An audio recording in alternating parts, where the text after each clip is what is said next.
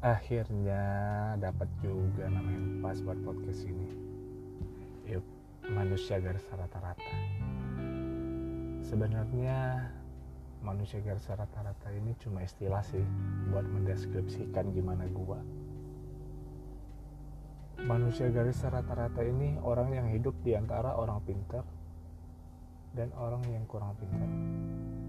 Orang cakep dan juga orang yang kurang cakep kenapa gue bilang orang kurang pintar? Kenapa nggak bego? Menurut gue sih nggak ada yang namanya orang bego di dunia ini. Mereka cuma ahli bidangnya masing-masing aja. Gue kasih contoh deh. Si A jago banget di bidang matematika. Sedangkan si B jago banget di bidang seni. Terus lu mau bilang si B bego? Cuma gara-gara dia nggak bisa matematika. Enggak kan? Dia cuma nggak jago di bidang matematika tapi bidang keahliannya seni. Nah itu dia yang gue maksud. Jadi manusia garis rata-rata itu enak.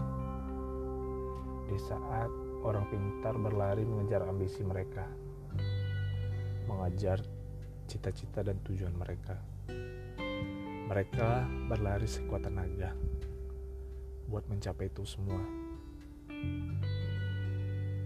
Manusia garis rata-rata gak perlu menyamai kecepatan mereka. Kita cukup berlari dengan kecepatan kita saja. Di saat orang pintar berlari sprint, kita cukup jogging aja. Yang penting kita tahu ke mana arah dan tujuan kita yang terpenting. Kita tahu apa yang harus kita lakuin. Gue yakin banget gak cuma gue di dunia ini yang jadi manusia garis rata-rata.